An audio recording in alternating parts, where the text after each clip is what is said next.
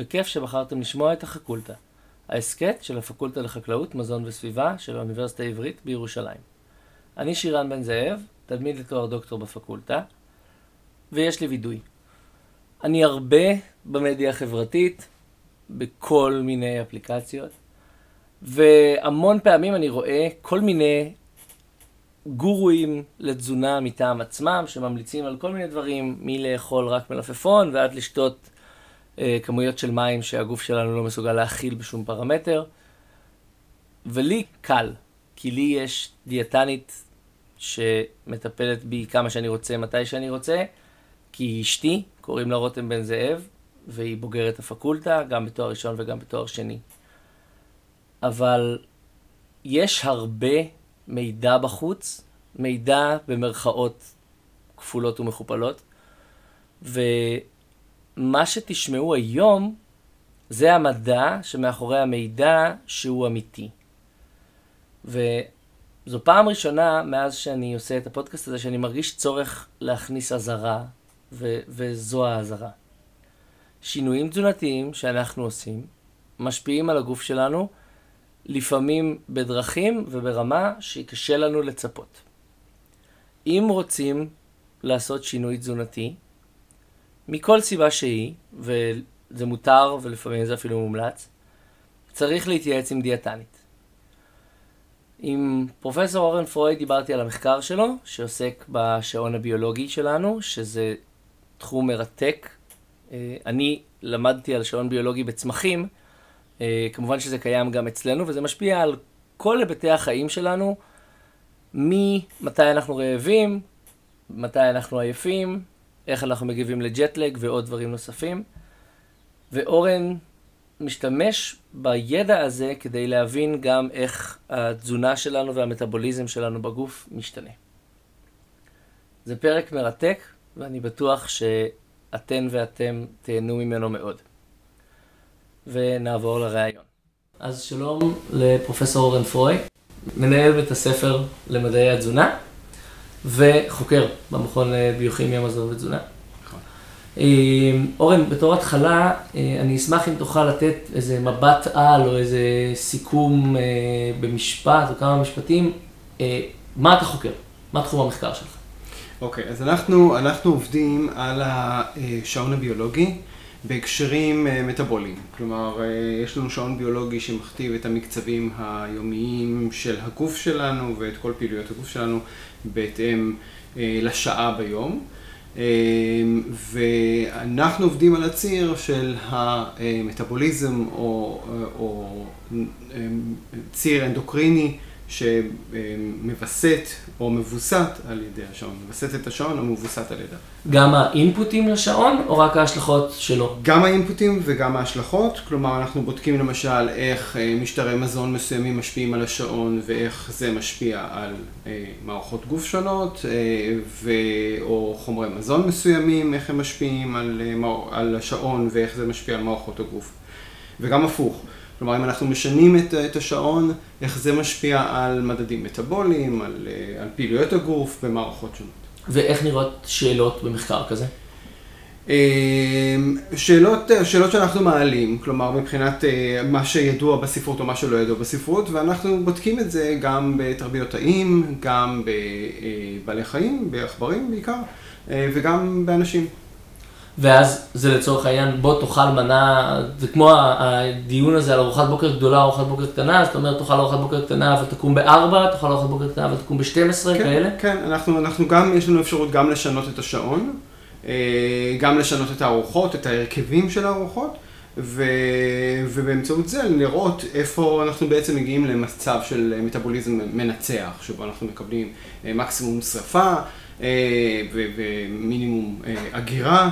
אה, בעיקר של שומן, אה, וזה מה שאנחנו עושים, אז אנחנו כל הזמן משנים או את הארוחות או את השעון, ורואים איפה אנחנו אה, הכי טובים מבחינת מטאבוליזם. אז עולות לי שתי שאלות מתוך מה שאתה אומר. הראשונה היא, אני מתכנן טיסה לארה"ב בעוד שלושה שבועות.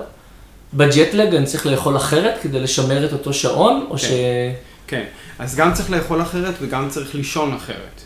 על שינה יש לנו פחות שליטה, כי אנחנו, כשאנחנו עייפים בדרך כלל אנחנו הולכים לישון, אבל דווקא בהקשרים של ג'טלג, אז, אז שוב, אין, אין מתכון אחד, כי הטיסה היא ב, תמיד בזמן אחר, ליעד אחר, עם הפרשי שעות אחרים, אז, אז זה קשה, כאילו, זה לא שאני עכשיו הולך להגיד לך, תעשה א', ב' וג' וזהו, כי זה נורא תלוי בזמני הטיסה, בזמני ההגעה, בשעון שאתה מגיע, בהפרש השעות. ומה אתה יכול לעשות במהלך הטיסה. אבל כן, צריך גם לשנות את הרגלי התזונה בשביל להקטין את השפעת הג'טלג, וגם את הרגלי השינה. כלומר, צריך לנסות לווסת. כלומר, אם אתה מגיע נורא עייף ב- למקום מסוים, אז אתה לא תלך לישון, כלומר, אתה תשתדל להישאר ער. על מנת להסתנכרן נגיד למחזור הבא, או מה שזה, שוב, נתתי רק דוגמה של מה צריך לעשות מבחינת הרגלי שינה. אז גם הרגלי תזונה וגם הרגלי שינה צריכים להיות אחרים כש... כש טסים ליעד עם שהוא טיים זון אחר. הבנתי, וכשאתה אומר אנחנו מודדים מטאבוליזם, איך מודדים מטאבוליזם?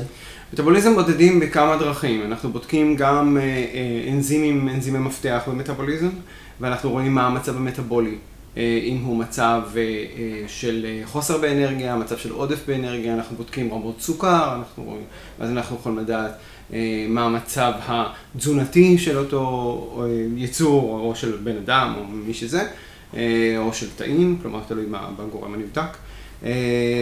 ואנחנו מקבלים, אנחנו בודקים הורמונים מסוימים, שנותנים לנו שוב מצג על המצב המטאבולי של אותו אורגניזם. וזה בדרך כלל זה הורמונים, מטאבוליטים ואנזימים שאנחנו בודקים ונותנים לנו תמונה כללית ממספר מסלולים מטאבוליים, ככה אנחנו מקבלים תמונה רחבה של מה שקורה מבחינה מטאבולית. אוקיי, אני אגיד עכשיו בראש הפרק, וזה בעצם ילווה אותנו הרבה, אשתי וזוגתי היא דיאטנית, שנינו למדנו אצלך לא מעט קורסים, והרבה פעמים אנחנו בדיוק מדברים על זה, כי סביב עולם התזונה יש המון ידע, במרכאות כפולות, כל מיני טיפים מטעם עצמם, לרבות ההורמונים שהזכרת. ותמיד מדברים, אומרים גרלין, אומרים לפטין, אומרים כל מיני שמות. ומהצד השני, רפואה, המדע האמיתי, כל הזמן מדבר על השונות בין אנשים, בין אורגניזמים.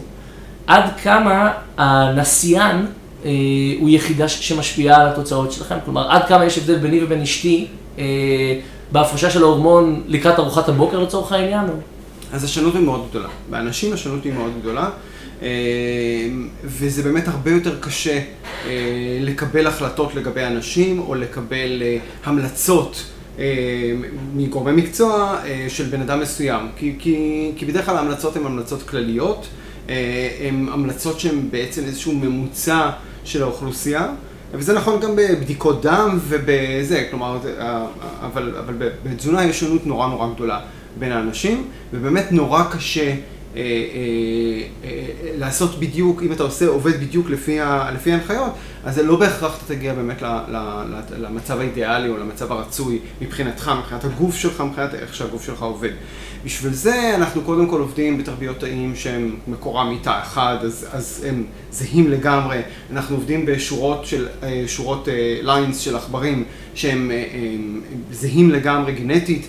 ולכן שם ההשפעה היא פחות, פחות נמוכה, וכמובן אחרי שאנחנו עושים את זה ומקבלים איזשהו מושג על משהו שבדקנו תזונתית, אנדוקרינית או מה שזה, אנחנו עוברים לאנשים לראות א', מה רמת השונות, כמה שונות יש, כמה מה שמצאנו בשורות כל כך הומוגניות כמו תרביות תאים או עכברים, כמה זה נכון לגבי אנשים מבחינת השונות שלהם ומבחינת ההשלכה של זה לאפליקציה באנשים, כי בעצם זה מה שאנחנו עושים, אנחנו עושים את זה למטרה. במטרה להיטיב עם אנשים, או למצוא איזה שהם דברים שקשורים לאנשים, ולאו דווקא לעכבר או לתא. אתה יכול לשתף בממצא כזה, בהבדל אחד, משהו שפוצץ לך את המוח, שעכברים עשו איקס, ובאנשים גיליתם איזו סטייה מאוד גדולה? כן, בכלל, בכל מה שאתה תבדוק בעכברים, מכיוון שאנחנו עובדים על שורה שהיא, שורת עכברים שהיא הומוגנית לגמרי, גנטית, זהה וכולי, שכולם צאצאים של אותו אב גנטי, אתה רואה שם את הדברים הרבה יותר חדים, כל דבר שאתה תבדוק. וברגע שאתה עובר לבדוק את זה באנשים, אתה רואה אז את השונות הגדולה. שגם אם תיקח עכברים מהטבע, אה, אתה תראה שם את השונות. אנחנו פשוט עובדים על איזשהו ליין מסוים שהוא נורא, אה, שהוא זהה אחד לשני, אז, אז, אז קל לנו לראות את הדבר הזה, והמון פעמים אנחנו רואים את זה בעכברים, ואנחנו לא רואים את זה באנשים, כי המדגם שלנו באותה קבוצת מחקר לא מספיק גדול, ואם אנחנו נגדיל אותו הרבה יותר, אז נוכל לראות את האפקט שאנחנו רואים בעכברים. הבנתי, ועד כמה יש שונות בתוך אדם, או זה, זה בעצם סיבה ותוצאה, אבל עד כמה יש שונות בתוך אדם לאורך זמן, או אה, פר שינוי, אם אני רוצה לשנות את המאזן ההורמונלי שלי סביב אכילה, זה משהו שהוא בכלל feasible, או שזה משהו שהוא סט לבן אדם? לא, לא, אז, אז אפשר לשנות את זה. אה, אם אנחנו מדברים על עניין של מטאבוליזם, אז אנחנו כן יכולים לשנות את זה. אה, יש את כל תיאוריית ה set point שמדברת על זה שאנחנו, אה, יש לנו איזשהו משקל יעד שהגוף שלנו מגיע אליו, וכשאנחנו חורגים ממנו לכיוון של אי אכילה או לכיוון של אכילת יתר, הגוף יודע לאזן ולווסת לאותו, לאותו set point קבוע. אה, העניין הוא שה set point הזה הוא לא קבוע לאורך שנים, הוא משתנה עם הזמן בהתאם להתנהגות שלנו, כלומר אם אנחנו נאכל עוד ועוד ועוד, אז אנחנו נשנה את ה set point שלנו, וגם אם אנחנו נאכל פחות ופחות ופחות, אנחנו נשנה את ה set point שלנו. אנחנו כן יכולים לשנות את זה, העניין הוא שהשינוי הוא לא כזה פשוט, בטח לא לכיוון של הורדה של הסט פוינט, כלומר שאנחנו נצטרך לאכול פחות וכולי, כולנו מכירים את כל הסיפור של הדיאטות ההולכות וחוזרות אצל אנשים שמנסים לרדת במשקל, אה, אה, וחוזרים אפילו יותר ממה שהם התחילו את הדיאטה לאחר תקופה, ושוב חוזרים, זה כזה הזיגזג הזה שאנחנו רואים, ביו-יו הזה שאנחנו רואים בירידה במשקל ודיאטות חוזרות ונשנות, בגלל שנורא קשה לשנות את ה set point הזה לכיוון מטה. אה, זה אפשרי, זה אפשרי בגילאים הרבה יותר נמוכים, שבו המוח עדיין אפשר לשנות בו דברים, כי ה set point הוא בעצם איזושהי אה, קביעה שיש לנו במוח אה, מהבחינה הזאת, שזה הכל כמובן כימיה, ביוכימיה, הורמונים ונוירונים שעובדים, זה לא איזה אה, מספר שכתוב לנו בזה, זה פשוט רמות אנרגיה שהמוח צריך, אה, ונורא קשה לשנות את זה כלפי מטה. אה, יותר קל לשנות את זה כלפי מעלה, ולכן אנחנו הולכים ומשמינים עם הגיל, ולא הולכים ומרזים עם הגיל. אבל אנחנו יכולים לעשות שינוי אם אנחנו בתקופת uh, גיל ה-10-20, שם עוד אפשר לעשות שינוי שיגרום להורדת הסט פוינט. אבל לרוב דיאטות ירידה במשקל לא מצליחות uh, לגרום לירידה במשקל, ואם הן כן מצליחות אז צריך נורא לשמור על הדיאטה הזאת לאורך כל, כל, כל הזמן, כלומר אי אפשר לזה. וכשאני מדבר על שינוי set point, זה שינוי set point, זה פתאום אתה תאכל פחות ותרגיש הכל בסדר, ולא, ולא תצטרך לספור קלוריות כל הזמן, כמו שכן עושים בדיאטות. ו, וזו גם הסיבה שאתה בחרת לעבוד על השעון הביולוגי, כי שינוי דיאטטי אמיתי הוא שינוי באורח החיים, והשעון הביולוגי בעצם מסתנכרן את הכל? זה, כן, זה מה ששלח אותך? הש... זהו, אני מספר שהשעון הביולוגי בעצם הוא, הוא איזשהו אה, גורם במוח, ש... אה, אה, בעצם מסנכרן את כל מערכות הגוף שלנו. אה, את כל המערכות הפיזיולוגיות, את כל המערכות המטבוליות וכל פעילות של כל איבר, כי יש לנו בעצם שעון בכל איבר שנתון תחת מרות השעון המרכזי שנמצא במוח. העניין הוא שבאמצעים באמצעי, באמצעים תזונתיים, באמצעות משטר ארוחות או רכיבי מזון מסוימים, אנחנו יכולים לווסת את השעונים באיברים השונים בלי תלות במוח. וזה, וזה זה מה שמעניין אותנו, איך אנחנו יכולים לשנות את זה בלי אה, לשנות את השעון במוח, כי השעון במוח בדרך כלל אה, לרוב מוכתב על ידי המחזורי אור חושך, ו, וזה לא מספיק חזק מבחינת, מבחינת הגוף שלנו.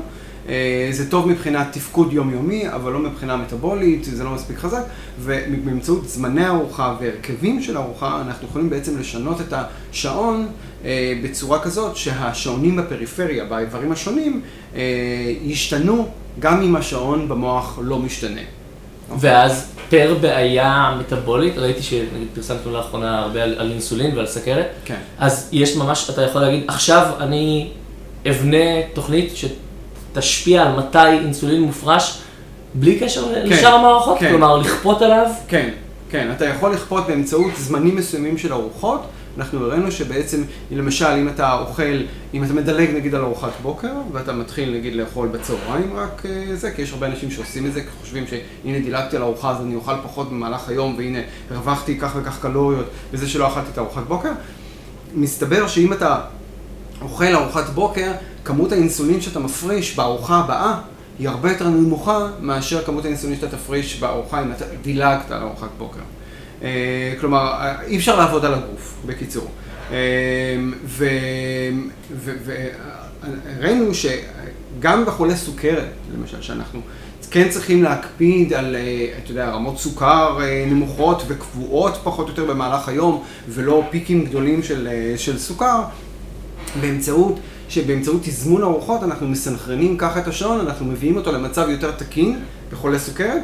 שגם ההפרשה של האינסולין בעצם היא, היא הרבה יותר טובה, הרבה יותר נכונה, אה, ושומרת על מאזן, על מאזן אה, גלוקוז יותר נכון במהלך היום, אה, פחות תנגודת, שזה מה שמאפיין חולי סוכרת 2.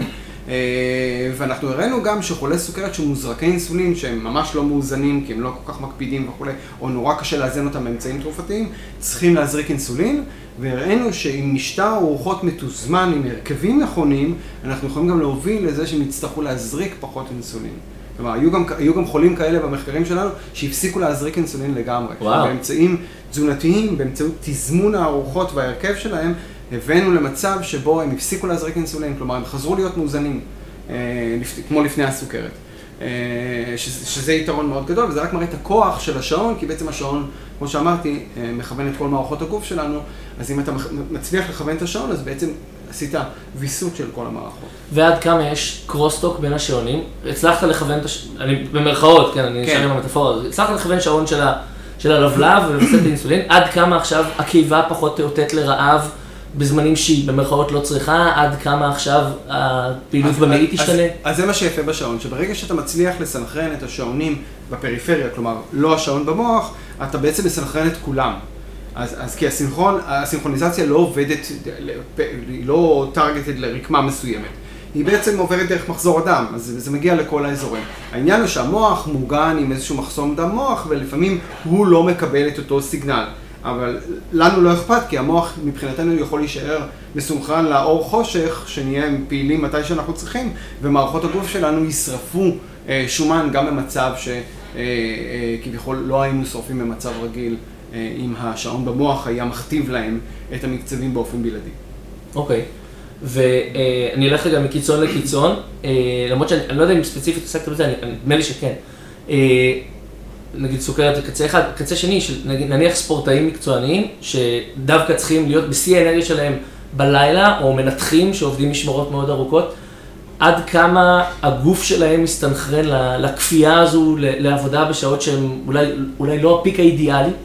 אז, אז אם אנחנו, הזכרת כאן כמה דברים, אבל אם אנחנו נזכיר נגיד עובדי משמרות, אז עובדי משמרות משבשים לעצמם את השעון כל הזמן. זה דבר שהוא לא טוב, זה דבר שהוא לא תקין. אנחנו מכירים תחלואה אה, מאוד גדולה בקרב אנשים שעושים משמרות לילה, או משמרות באופן כללי, שכל יום זה משמרת אחרת, אה, והם כל יום צריכים אה, להסתנכרן לאיזשהו מחזור אחר. אה, בכלל, כל פעם שאתה צריך להסתנכרן למחזור אחר, בין אם זה כתוצאה מטיסה למקום אחר, אה, לא יודע מה, טייסים או דיילות או, או, או מה שזה, אז, אז, אה, אז, אז כל פעם שיש סינכרון זה איזשהו אה, עול או קושי שהגוף צריך להתמודד איתו, וככל שאנחנו צריכים לעשות את זה יותר פעמים, אז הנזק לגוף הוא הרבה יותר גדול. אז אם אתה טס פעם בחצי שנה למקום מסוים ומסתנכרן אחרי יומיים, שלושה, ארבעה, אז הכל בסדר והמערכת תספוג את זה והכל טוב. אבל אם אתה עושה את זה כל הזמן, זה גורם להתשה של המערכת אה, אה, ונזק אה, למערכת, כמו כל דבר, שאנחנו שוחקים אותו, שוחקים אותו אה, אה, יותר מדי, וזה מביא למעלה תחלואה.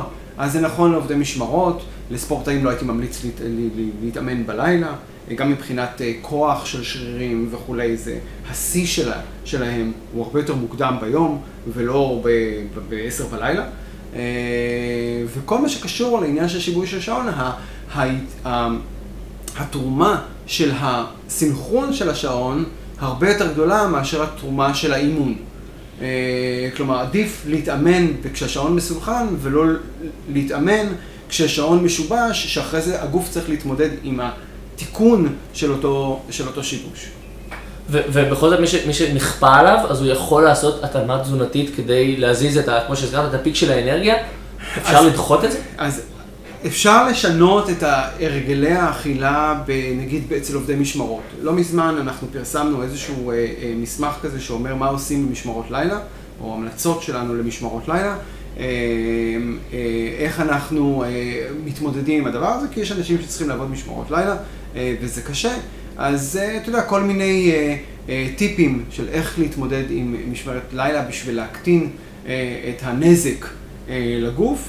כמובן איך להתמודד גם מבחינת שינה, גם מבחינת תזונה.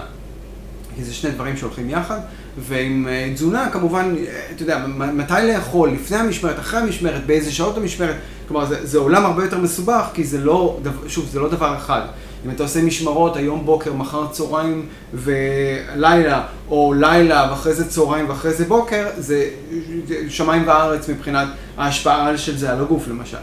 וקבוצות מזון שונות אה, דורשות התאמה נפרדת? נגיד, אני יודע שכשאני עבדתי משמרות לילה, נו, היה לי חשק בלתי נסבל לפחמימות בלילה, כן. הייתי, זה היה בשדה תעופה, הייתי אוכל פיצה שלמה, כן. כמעט כל משמרת, כי אתה, אתה מרגיש שאתה כן. חייב את האנרגיה הזו. כן. אבל האם סוכרים מושפעים שונה מחלבונים או שומנים או אני לא יודע? יש, ירידה, ירידה ברמות האנרגיה, והדבר הכי מהיר זה פחמימות. אה, אף אחד לא חולם על חלבון כשהוא אה, אה, עייף. וזה זה, זה פשוט מביא לך אנרגיה מהר ובצורה מיידית, אז, אז, אז, אז זה, מה ש, זה מה שאנחנו צורכים בדרך כלל גם, אתה יודע, הרעב והשובע שלנו גם, גם מתווכים על ידי רמות גלוקוז, בעיקר במוח. אז ברגע שיש ירידה קצת ברמות הגלוקוז, אז מיד יש צורך בגלוקוז. אז הצריכה של פחמימות היא, היא, היא מובנת ו, ו, ומוכרת בדבר הזה. אבל כן, באופן עקרוני צריך דווקא לאכול ארוחות מאוזנות בדברים האלה, ולנסות לשמור על שעון כמה שיותר מסונכן, למרות שאתה ער. כלומר, למשל, סתם ככלל עצב, במשמרות לילה לא הייתי ממליץ לאכול, למשל. בכלל? בכלל. כן. אוקיי. כי זה פשוט משבש את השעון, כי ברגע שאתה אוכל אז אתה מפעיל את השעון, ואז זה כי מבחינת השעון זה כאילו אה, אמצע היום, ואז כל המערכות עובדות בצורה כאילו זה אמצע היום, אבל לא ממש, ואז, וזה השיבוש. אמ, אז, אז נתנו איזה שורת הנחיות מה כדאי לעשות ומה לא כדאי לעשות, אבל שוב, כל עולם המשמרות הוא נורא נורא מסובך, מכיוון שלא כולם עובדים את אותן משמרות, אה, הסבב של המשמרות שונה אה, מיום ליום. אה, יש אנשים שעושים משמרות לילה במהלך השבוע, אבל סוף שבוע הם לא עושים משמרות, הסוף שבוע הם כן חוזרים כביכול, או מנסים לחזור ליום לילה תקין, אה, מה שעוד יותר משבש את זה. בקיצור, אנחנו לא יכולים להפוך את עצמנו להיות יצורים ליליים, אה, זה בלתי אפשרי בעולם שלנו. וזה מנציח את השיבוש. אז יש כל מיני הנחיות שפרסמנו איך להמעיט, להפחית את הנזק אה, כתוצאה מעבודת משמרות, אבל כמובן זה לא מבטל אותו לגמרי. אני רוצה להישאר בנושא של אה, תזמוני ארוחות, כי היום ההמלצה כביכול של משרד הבריאות, מה שתלוי אצל, אה, אצל אשתי במשרד, זה עדיין שלוש ארוחות ביום, עם הריווח השווה, עם הדיאטה הים תיכונית, עד כמה... וארוחות ביניים. ו... כן, סליחה, וארוחות ביניים. זה דבר מאוד חשוב ומאוד רע. כלומר, מאוד... חשוב להזכיר את זה. אבל זה מאוד לא טוב. אבל אם הממצאים שלכם, א', אני אשמח שתרחיב למה זה לא טוב, וב', אם אלה הממצאים, כמה המרחק אה, שלך היום מזה שזה ישתנה באמת? כלומר... אוקיי, אה, אז ככה, אז קודם כל, אה, הכל התחיל בשנות ה-70, כשאני הייתי ילד אז אמרו לנו שלוש ארוחות ביום, זה מה שאכלנו, זה מה שאמרו שצריך לאכול וכולי. בלקראת שנות ה... סוף שנות ה-70, 80 וכולי, כשהתחילה מגפת ההשמנה, שכבר הדברים הפכו להיות הרבה יותר נגישים וזמינים, המזון, לאנשים, אז uh, בצורה מאוד, כל ה-IMPM בארצות הברית וכל הזה, ש... אה, שאז אנשים התחילו להשמין, אז אמרו, רגע, רגע, רגע, רגע, אם יש לנו מזון כל כך זמין, אז בואו נעשה את זה שנאכל ארוחות קטנות לאורך היום. כאילו, יהיה לנו שלוש ארוחות, וארוחות ביניים, ונאכל איזה שש, שבע ארוחות ביום אה, אה, לאורך היום, כדי שלא נגיע רעבים לארוחה שאחרי, ונאכל המון. אוקיי? שזה היה הדבר הכי גרוע שיכלו לתת המלצה לציבור, כי ברגע שהציבור שומע שצריך לאכול הרבה במשך היום, כלומר ארוחות קטנות במשך היום, אז הוא אוכל הרבה ארוחות במשך היום, והרבה בכל ארוחה. זה כמו בדיחה הזאת על ארוחה אחת ביום, כל היום. כן, בדיוק. אז, אז, אה, ואז אנשים פשוט אה, אכלו אה, לא מעט, אלא הרבה, בהרבה ארוחות, אז ככה זה הפך להיות, ומגפת השמנה כמובן רק הלכה והתעצמה. והיום אנחנו מבינים שבעצם זה לא נכון.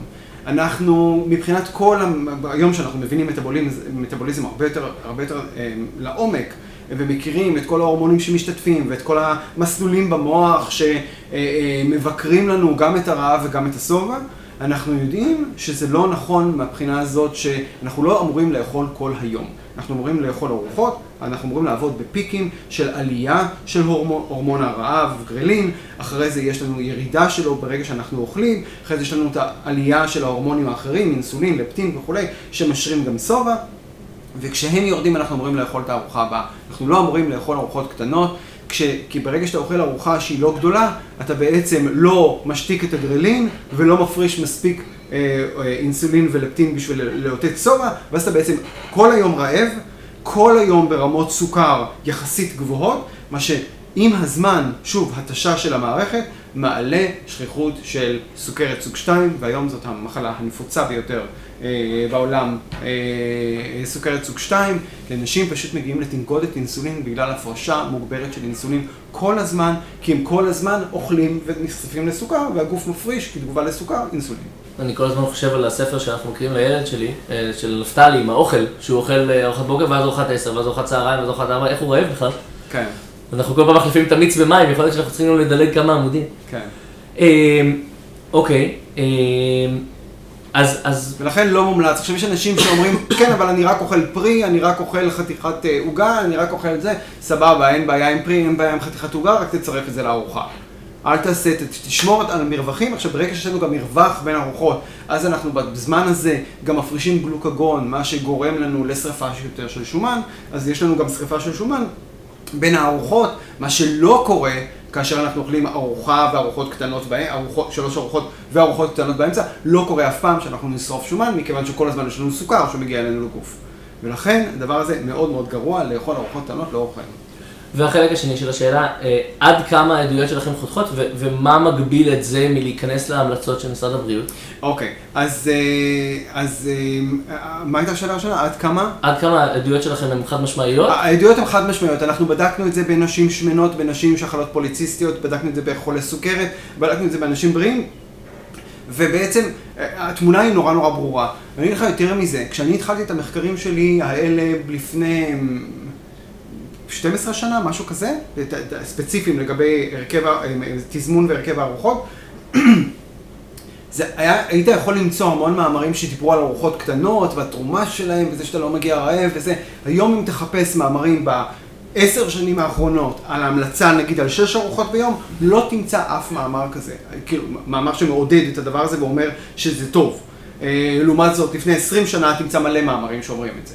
אה, היום מבינים שהדבר הזה לא נכון, הגוף אמור לעבוד בפיקים, אנחנו לא יצור קטן שמאבד חום כל הזמן שצריך לאכול כמו חדפים שצריכים לאכול כל היום, אנחנו לא יצור כזה, אנחנו צריכים לאכול בארוחות מסוימות, לשרוף בין הארוחות אה, אה, את מה שאכלנו בארוחה ולא כל הזמן להיות בפעילות של אגירה ושמירה של הזה, כי זה, זה מה שמוביל להשמנה, לתנגודת לאינסולין ולסוכרת בשלב יותר נמוך.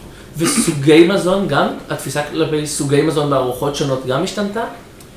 אה, לגבי סוגי מזון, כן. אז פעם נורא נבהלו מישהו, אני רק אענה קודם על השאלה הקודמת כן, ששאלת כן, כמה אנחנו... על משרד הבריאות. אה, אז, זה לא פשוט מול משרד הבריאות. משרד הבריאות אה, מאוד מתעכב בדברים האלה, ויש לי שיח איתם ישירות, עם ראש אגף התזונה שם וכולי. אה, כמה רופאים מובילים, אה, רופאים ומדענים מובילים בתחום הזה שאני איתם עשיתי אה, שיתופי פעולה, שזה רופאים שעוסקים במטאבוליזם ואנדוקרינולוגיה מובילים בארץ, כמו פרופסור איתמר רז, כמו פרופסור חוליו ויינשטיין. ניסינו להוביל מהלך של שינוי הנהלים שמשרד הבריאות יגיד למטופלים כן, גם לטופלים, גם לחולי סוכרת, אבל גם בכלל, אלה הם לא מטופלים, מי, ש, מי שבריא לא מגיע לטיפול, אבל נגיד לחולי סוכרת, כי אנחנו הראינו בצורה מאוד מאוד חד משמעית, שגם לחולי סוכרת, שגם שם החשש הוא נורא משינויים נורא דרמטיים של רמות הגלוקוז בדם, גם שם שלוש ארוחות והפסקת אכילה בשעה שבע בערב הייתה הרבה יותר טובה, ושוב, כמו שאמרתי לך, אנשים גם הפסיקו להזריק אינסולין. הייתה הרבה יותר טובה מאשר המשטר הרגיל שממליצים להם היום של מספר ארוחות ביום, כולל ארוחת לילה, כדי שלא יקומו עם סוכר גבוה בבוקר וכל מיני תיאוריות מופרכות שאין לי מושג מאיפה הם יצאו. ניסינו להוביל מהלך ועשינו דיונים עם משרד הבריאות וכולי, לנסח איזה שהם זה, וזה איזשהו, ברגע שזה הגיע למשרד הבריאות זה איזשהו נתקע, לצערי. ולדעתי משרד הבריאות מפחד לקחת כאן, כאילו להרים את הכפפה ופשוט מחכה שזה יגיע לעולם והעולם יאשר את זה ואז יעתיקו פשוט ממה שקורה שם. אבל בעולם מדברים על המחקרים שלנו, זה כמו שעכשיו עם הקורונה מעתיקים מה שקורה מישראל, אותו דבר, רק במקום שמשרד הבריאות ירים את הכפפה ויוביל את המהלך ויבין את החשיבות של זה, אז הם בוחרים להתמהמה וכנראה שברגע שהם יראו שהעולם הולך לכיוון הזה, אז הם כבר גם כן ילכו לכיוון הזה. הם אומרים לי בשיחות של אוקיי, כאילו אנחנו לא ממליצים שש ארוחות, כל מקרה לגופו וכל דיאטן או דיאטנית שהם מטפלים באנשים, אז יראו מה נכון לאותו בן אדם ולא זה, שזה נכון, זה תמיד נכון, אבל הציבור צריך לקבל איזושהי המלצה. כמו לא לאכול אוכל מעובד, זאת המלצה לציבור, ברור שיש אנשים שיאכלו ויש אנשים שלא יאכלו, אבל צריכים גם לצאת בהמלצות ולהוביל איזשהו מהלך ולא רק לחכות ולראות מה יקרה או נחכה שארצות אחרות יובילו את המהלך או יגיעו הנחיות ממקומות אחרים. ובלי להיכנס לדינמיקה בין עמותת עתיד למשרד הבריאות, עד כמה דיאטניות צריכות להוביל את זה? אני חושב שדיאטניות, חלקן מובילות את זה וחלקן עושות את זה. כלומר, בקשר שלי עם חלק מהדיאטניות, הן מתקשרות אליי, מתייעצות איתי, מספרות לי על כל מיני מקרים וזה, אז כן, כלומר, אני חושב שחלק מהדיאטניות, בעיקר אלה שלומדות פה, כי אני מעביר את זה גם פה כחלק מההוראה, אני חושב שחלק מהדיאטניות שלומדות פה כן מיישמות את זה הלאה וכן מבינות את זה, אבל יש כאלה שלא, א', יש כאלה שלא מגיעות מפה. ויש כאלה שגם אלה שמגיעות מפה לא תמיד זה, כי אחרי זה הם יוצאים לסטאז', בסטאז' הם לומדים משהו אחר, או מקבלים הנחיה לעשות משהו אחר, ואז יש כאלה שכן ויש כאלה שלא, אבל אני חושב שכן יש מגמה לכיוון הזה. אוקיי, הזכרת בתוך הדברים את הפסקת אכילה בשעה שבע, אני רוצה להתחבר לזה ולצום לסירוגין וכל הפטנטים האלה. בעצם, גם סביב הגלוקוז. בעצם, בעיניי, מה שאתה אומר מצביע על זה, יכול להיות שלגוף לייצר בופר. חסר גלוקוז, נביא גלוקוז במקום אחר, לא בהכרח צריך לצרוך עכשיו עוד מזון.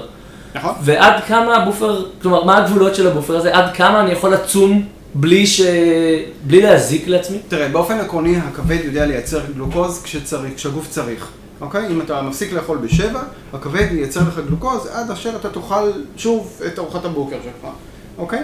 אז אין לכבד בעיה לעשות את זה.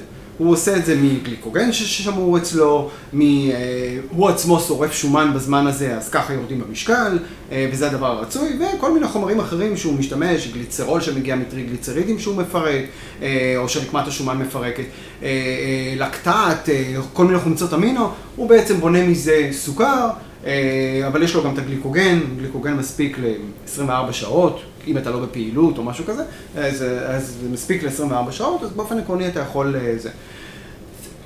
אז כאילו אם אנחנו מדברים על לילה, אז כזה, או בין ארוחות, אין שום בעיה, וזה טוב שהכבד יעשה את זה, וזה טוב שיהיה המעבר לגלוקוז אנדוגני, ולא גלוקוז אקסוגני שמגיע מבחוץ עם אכילה, אוקיי? אז זה דבר שהוא טוב. לגבי כמה זמן, מה משך הזמן שאנחנו יכולים לצום או זה, אז פה כבר נכנסים שיקולים אחרים.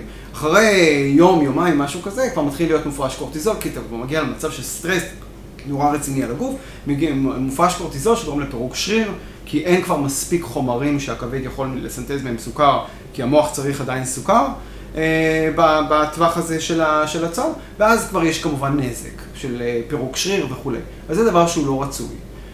אז אתה יודע, עד 24 שעות, אתה יודע, את כל הצומות שאנחנו עושים, לא יודע מה, יום כיפור וכאלה, אז עד 24 שעות מבחינת מלאי גליקוגן וכולי, שוב, אם אתה לא פעיל נורא וזה, אז זה עוד בסדר.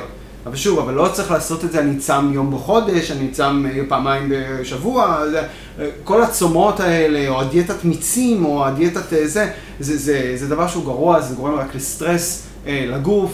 הגוף צריך לשמור על איזשהו משטר תקין, קבוע, גם בסופי שבוע, וככה אנחנו משפרים או מעלים את המצב הבריאותי של הגוף, ולא עם כל מיני קיצוניות כאלה ואחרות. ובין היכולת להעביר לילה ולייצר את הגלוקוז שדרוש במהלך לילה, בין אכילה של 8-16 וההפסקה שהיא יותר ארוכה מזמן האכילה והדברים האלה, התעסקתם בזה? אתם, אתם כן, יודעים להגיד כן. איפה זה פוגש את השעון, איפה זה פוגש אותנו? כן, אז, אז קודם כל ברגע שאתה משנה את, ה, את, ה, את משטר האכילה, כלומר אם אתה אוכל, כשאני מדבר על שלוש, כשאני דיברתי על שלוש ארוחות, אז דיברתי, אתה יודע, שמונה, 12, שבע או לא יודע מה, אה, משהו כזה. אה, אתה אוכל, כאילו, אתה, אתה מפזר את הארוחות במהלך היום, כאשר הבוקר היא, היא יותר גדולה. ברגע, בדרך כלל כשאתה אוכל ארוחת, ארוחה גדולה בבוקר, אז הצהריים קצת נדחק, אתה לא רעב לקראת הצהריים, אז אתה יכול לאכול בשתיים, ואז שוב בשבע, ואז, כאילו, וזהו. וזה מה שאתה ושם אתה אמור לאכול את סך הקלוריות היומי אה, שבן אדם צריך אה, לצרוך. ו... אבל ברגע שאתה אה, משנה את הדברים האלה, אז כמובן אה, מגיע שיבוש, וברגע שאתה אוכל באמצע וכולי. אז אתה אמור כאילו לאכול אה, בשעות מסוימות. ועכשיו, אז, אז ברגע שאתה אתה אוכל בשעות האלה, זה בערך נגיד 12-12, כן, נגיד אתה אוכל ארוחת בוקר ב-7 בבוקר עד 7 בערב, נגיד 12-12, אז אתה יכול לצמצם את החלון שבו אתה אוכל. והצמצום של החלון לא חייב להיות שאתה אוכל שמונה שעות רצוף או כל הזמן או מה שזה, אתה יכול עדיין בשמונה שעות שאתה אוכל, אתה יכול לעשות שלוש ארוחות, אוקיי? כלומר, עדיין אפשר לסדר את זה בין ארוחות, אבל היתרון של הדבר הזה, אה, זה שברגע ש, שיש לך 16 שעות של אי אכילה, 16 שעות שאתה בהן שורף אה, שומן, אה, מייצר גלוקוז כמובן בכבד, וזה שעות שהן סבירות, כלומר, זה, זה עדיין סביר. ככל שאתה תצמצם יותר את חלון האכילה, אתה תגיע לתוצאות כביכול מטאבוליות, מבחינת שריפה של שומן, הרבה יותר טובות. אבל שוב, אבל אז אתה מגיע למצב של כאילו שוב, סטרס, נזק וכולי, אז לא... זה 16-8 זה עוד בסדר אה, לעשות את זה, אה, אבל שוב, 16-8 יכול להיות קשה להרבה אנשים, אבל אם עושים 12-12, זה מצוין. ומבחינת הדחיסה, הזכרת שצריך להיות, אנחנו צריכים את הירידה בגרעין והעלייה בלפקים, כן. זה מספיק בשמונה שעות? זה, לא, זה? פחות חשוב כשאתה, יש לך 16 שעות. הבנתי. אתה מבין? כלומר, ברגע שיש לך 16 שעות זה מפצה על, ה... על הזה. אנחנו הראינו פה בניסויים שאנחנו עשינו בעכברים, אבל הראו את זה גם באנשים, שאם אתה לוקח חלון של 8 שעות ואתה נותן לאנשים מזון עתיר שומן במהלך, בתקופה הזאת, אנחנו עשינו את זה עם עכברים, אתה בעצם יורד במשקל אם אתה נותן חלון של זמן, כי החלון האחר הוא הרבה יותר גדול, ושם אתה שורף את השומן שהכנסת, והרבה יותר מזה. אוקיי? אז, אז אתה, אז, אז, אז לא, לא צריך לדאוג בקטע הזה של כשאתה אוכל 12-12, אז באמת צריך להיות מרווח מספיק גדול כדי שתוכל לשרוף גם בין הארוחות, ולא רק בלילה.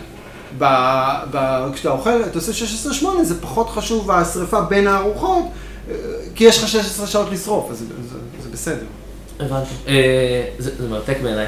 אה, יש עוד מחקר שלך שאתה רוצה, משהו ספציפי שאתה רוצה להגיד, או איזושהי מיסקונספציה שהיא כללית ואתה רוצה שכל המאזינים ישתחררו ממנה? כן, יש לאנשים פחד משומן. אנשים נורא מפחדים משומן. אה, ואני חושב שלא צריך לפחד משומן, יש שומנים שהם בריאים, שהם טובים, אה, אה, אומגה 3, אה, אומגה 9 וכולי, שומנים שהם טובים, שכדאי לנו לצרוך אותם, לא צריך להיבהל מהם. אני חושב שאנשים המון פעמים מחליפים פחמימות על שומנים, כלומר מעדיפים פחמימה על שומן, כי שומן זה נראה להם משמין, ופחמימה זה כאילו פחות נורא מבחינת השמנה, אה, ולא, ולא כך. כלומר צריך, אני חושב ששוב, זה לגבי ההמלצות משרד הבריאות והרכבי ארוחות, אה, אני חושב שהיום אנחנו צורכים הרבה יותר פחמימות ממה שאנחנו באמת צריכים. אה, זה בין, לנה ההמלצה היא בין 40 ל-60 אחוז אה, פחמימות, שזה לדעתי המון. אה, ואנשים נורא מפחדים משומן, ואני חושב שכן צריך להעלות את האחוז של השומן והחלבון בהרכב הדיאטה שלנו, להוריד קצת את הפחמימות. בחלבון כמובן יש בעיה לעלות יותר מדי בגלל נזק כלייתי שיכול להיות וכולי.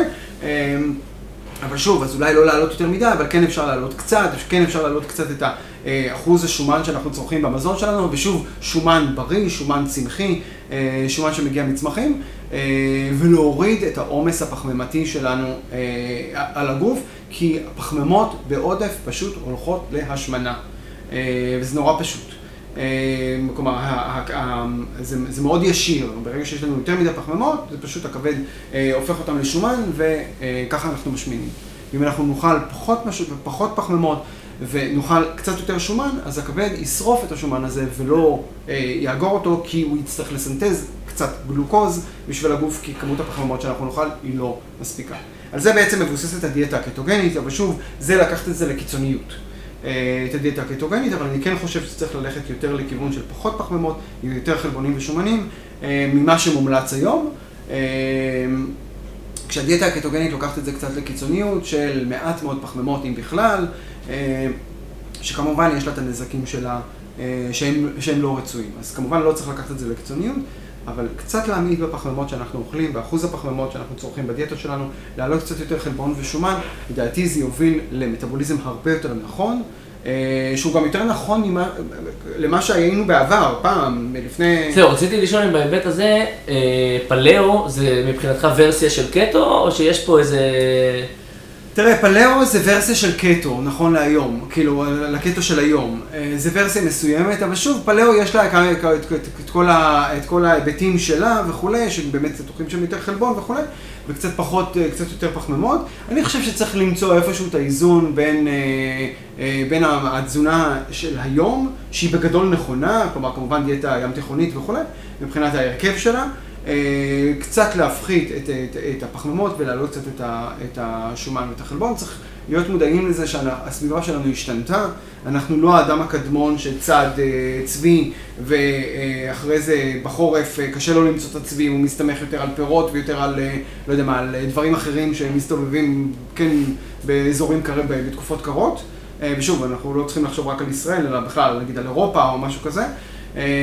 אז התקופות אז היו שונות, היו תקופות של יותר מזון, היו תקופות של פחות מזון, היה פחות שימור של מזון, כלומר לא היו מקררים, לא היו זה, אז כאילו היה פחות יכולת לזה, אז היו דרכים אחרות לשמר את המזון או לדאוג שהוא לא יתקלקל, אבל התזונה הייתה שונה. חלפו אי אלו שנים מאז, ואנחנו היום חשופים לכל כך הרבה מזון, ואני חושב שהיום אנחנו צריכים למצוא, ללמוד מכל הפלאו, מה שהיה פעם, וקטוגני, ושלוש ארוחות, ושש ארוחות, ואני חושב שהיום יש לנו מספיק מידע מטאבולי על מה קורה בכל אחת מהארוחות האלה, ולמצוא את ההרכב הנכון, שלדעתי הוא הרבה פחות פחמימות ממה שאנחנו אוכלים היום, ויותר שומן וחלבון, שזה ייתן לנו מטאבוליזם יותר נכון. מדהים, שאנחנו קוראים להם מטאבוליזם מנצח. ממש מרתק. לקראת סיכום, יש שלוש שאלות שאני מנסה לשאול את כל המורים שלי כשיש לי ככה אינטראקציה אחד על אחד. אז הראשונה זה אם תוכל לשתף איך הגעת לפקולטה, היה לך ניסיון בחקלאות, במזון, מה הייתה המשיכה? לא, אני הגעתי לש... אני בכלל עבדתי בנוירוביולוגיה, עבדתי על טוקסינים בתקופות שלפני שהגעתי לפה, עבדתי על טוקסינים שמשפיעים על תאי עצב וכולי, כלומר בכלל לא, לא קשור ל... לא לתזונה ולא, ל... ולא למזון. בפוסט שלי ב Harvard Medical School עסקתי בשעון הביולוגי, ואז ממש למדנו רק את המנגנון עצמו של השעון, עוד לא היה לזה כל מיני השלכות גופניות וכולי. כלומר, ידענו שהוא שולט על כל מיני מערכות, אבל לא יותר מדי. וכשניגשתי להציג מועמדות פה, במספר מקומות בארץ, אז ישר קפץ לי העניין של תזונה, ואמרתי, לא יכול להיות שדבר כל כך מרכזי בחיינו, כמו השעון ביולוגי, ודבר כל כך מרכזי בחיינו כמו אוכל ותזונה, לא מדברים אחד עם השני, לא יכול להיות. ואז התחלתי את זה, ואני באמת, בין, עם כל הצניעות, בין החלוצים בעולם שהובילו את כל העניין של החיבור בין השעון לתזונה, שהיום זה כבר הופך להיות סשן בכל, בכל, בכל כנס של תזונה, סוכרת, מחלות מטבוליות וכו'. אז זה כבר הפך להיות דבר כל כך ברור מאליו, מה שלפני 20, פחות מ-20 שנה, 18 שנה, שהגעתי לפה, אף אחד בכלל לא חשב. זה מהמם. אוקיי, והיום כשאתה חוקר בפקולטה, אני רוצה לשאול על אתגרים, אז שני אתגרים. אחד, מה האתגר המחקרי או הדבר האחד שאתה מחפש להשיג בהיבט המחקרי, ומה האתגר הכי גדול במובן של הנגשת הידע החוצה, דיברת קצת על משרד הבריאות וכאלה. כן. אז קודם כל, מה אני מנסה להשיג? אז עבודה מדעית היא, אף פעם, אני לא יודע מחר מה, אני, מה, מה אנחנו נגלה פה במעבדה ומה יוביל אותי, כאילו, מבחינת אפיקי מחקר. אבל אני יכול להגיד לך שאני מאוד, מאוד רוצה להגיע למצב שבו אני אוכל לתת תפריט, לא תפריט של אוכל, אלא תפריט אה, לוחות זמנים או, וגם הרכב מזון של איך להגיע למטאבוליזם מנצח. כי אנחנו כל הזמן מנסים כל מיני דברים, אמרתי לך, אנחנו משחקים גם עם אה, תזמון ארוחות, גם עם הרכבי ארוחות, גם עם לוחות זמנים, עם שינוי שעון וכולי, בשביל להגיע למשהו שהוא נורא מנצ... שהוא מנצח, אבל מנצח וגם קל ליישום. כלומר, ש... והמטרה שלי היא בעצם להילחם במגפת ההשמנה ש... שתופסת את, את העולם שלנו בצורה מאוד, אה, מאוד מסיבית. אה, אז זה, זה, זה, זה החלום שלי. זה, זה חלום אחד. חלום שני, זה תמיד אמרתי, אה, בתי חולים, הם כל כך עובדים בשיבוש של שעון, שזה, שזה פשוט מדהים, כאילו מחלקות מוארות, לא יודע מה, טיפול נמרץ, מואר כל הזמן, וכלומר, אין שום הסתכלות על השעון כמרכיב כל כך עיקרי שמווסת את המערכות שלנו, ואפילו בטיפול תרופתי. אף אחד לא אומר לך תיקח את הכדור בין חמש לשמונה בערב ולא, אחר, ולא בלילה או ב, לא בבוקר, כי הגוף שלנו עובד אחרת בבוקר ואחר הצהריים. המטאבוליזם לתרופה שאתה אה, לקחת אה, הוא שונה לגמרי בבוקר ואחר הצהריים. יש איזה מחקרים אדירים שמראים שטיפול בחולי סרטן בשעות אחרות נותנות יעילות של פי שלושה, פי ארבעה, מבחינת הטיפול הכימותרפי, שזה חיים ומוות אצל חולי סרטן, יכול להיות. ו- וכאילו יש איזושהי התעלמות של הרפואה מהשעון הביולוגי, מתזמון של דברים, וכמעט היום אין שום התוויה של תיקח את הכדור הזה בשעה הזאת והזאת, כי אז תקבל את האפקט הכי חזק. למה? אולי כי אז תוכל גם לקחת פחות מאותו כדור, ואז יהיה לך גם פחות תופעות לוואי של הכדור. אבל זה קצת לא אינטרס של חברות התרופות להקטין מינונים, אז, אז, אולי, אז אולי משם זה לא בא, כלומר, לא מאשים את הרופאים בזה, אבל כאילו כל המחקר שמתבצע, אולי אין שום אינטרס לעשות את זה. אבל אני אומר, אנחנו צריכים לחשוב שהתרופות שאנחנו לוקחים הם לא בזמן הנכון, כי כל אחד לוקח את זה בשעה, בשעה אחרת ביום ו, וזה, ו obviously זה שונה, כי המטאבוליזם שלנו שונה, הדרך שהגוף שלנו מטפל בתרופות. אז הרצון שלי זה איזשהו, לעשות איזושהי הסדרה ולהכניס את כל הנושא של השעון הזה גם לחלק מהטיפול הרפואי, ולא רק כאיזשהו מדע שאם אנחנו בודקים את הרפואה, אז כן יש השקה וכן יש השפעה, אלא שזה יהיה איזשהו קו מנחה ברור בטיפול רפואי. הלוואי שתצליח. אה, והשאלה האחרונה, אה, אה, תוכל לשתף אותנו מה אכלת היום בארוחת בוקר? אז ארוחת בוקר, מה שאני אוכל בדרך כלל זה לחם מלא עם אין לי כל כך הרבה זמן לאכול בבוקר, אז אני קצת, אה, קצת אה, דוחה את הארוחת בוקר שלי, כי ארוחת בוקר אנחנו מגדירים אותה כשעה מקיצה וכולי, אבל בוא אני אגיד לך ככה, בוא אני, בוא, בוא אני אגיד מה, אני, מה הילדים שלי אכלו, כי זה אוקיי. יותר, יותר, יותר חשוב לי דור העתיד, אז, אה, אז באמת, אז הם אוכלים ארוחת בוקר מסודרת, בשעה קבועה, גם בסוף השבוע זה בשעה קבועה, למרות שרוצים קצת לישון יותר וזה, אז אולי קצת דוחים באיזה חצי שעה, שעה, אבל לא יותר מזה. אוכלים ארוחה, אה, לחם מלא, אוכלים ירקות, אוכלים ארוחה מלאה, כלומר גבינות וכולי, אה, בשביל להיות אה, שבעים. אה, אם אנחנו כבר מדברים על ילדים, אז יש לי כמובן בעיה נורא גדולה עם ארוחת עשר בבית ספר, שמתחילה כמובן תשע וחצי, קוראים לה ארוחת עשר, אבל, אבל אף אחד לא אוכל אותה בעשר, אלא אוכלים אותה בתשע וחצי, והילדים כבר מוציאים ומנשנשים אותה עוד קודם, אה, שזה כמובן בעייתי, כי אם אוכלים ארוחת בוקר טובה, אין סיבה לאכול בתשע וחצי, לא לילד, לא למבוגר, לא לאף אחד. אה, מה גם שכשהם אוכלים בשעה 12 או אחת, כשהם חוזרים הביתה, אז הם אוכלים שוב ארוחת צהריים, ושוב אנחנו מנציחים את העניין הזה, ויש בתי ספר, דרך אגב, בארץ, שביטלו את ארוחת העשר, כן, שהם הובילו מהלך כזה, נורא מעטים. נורא קשה לשכנע את ההורים שהילד לא ילך לח... עם, עם אוכל לבית ספר אלא הוא יאכל בבית, כי להרבה אין זמן בבוקר וכולי וכולי, אבל אה, כן, אבל, אבל המטרה היא לאכול ארוחת בוקר מלאה של, לא יודע, 500-600 קלוריות, שהיא משביעה, מזינה, ואתה מתחיל את היום מלא אנרגיה, אה, ואתה יכול אז להחזיק גם עד הרבה, הרבה יותר מאוחר, כלומר, שתיים, משהו כזה. זה לא מפתיע, אבל זו התשובה הכי טובה שקיבלתי בפער. אוקיי. בסדר, תודה רבה, אורן. תודה שוב לפרופסור אורן פרוי, תודה לכן ולכם על ההאזנה, תודה לגלעד הראל על המוזיקה המקורית. תודה גם למי שעשה לנו פולו ודירג את הפודקאסט באפליקציות השונות. תודה מיוחדת למי שמגיב וכותב לי בפייסבוק, זה נורא כיף לקבל את ההערות שלכם ושלכן. אה, גם כי כשאתה מקליט פודקאסט, אתה לא יודע למי זה מגיע, וכשיש עדים זה מאוד מאוד נחמד. ונתראה בפרקים הבאים.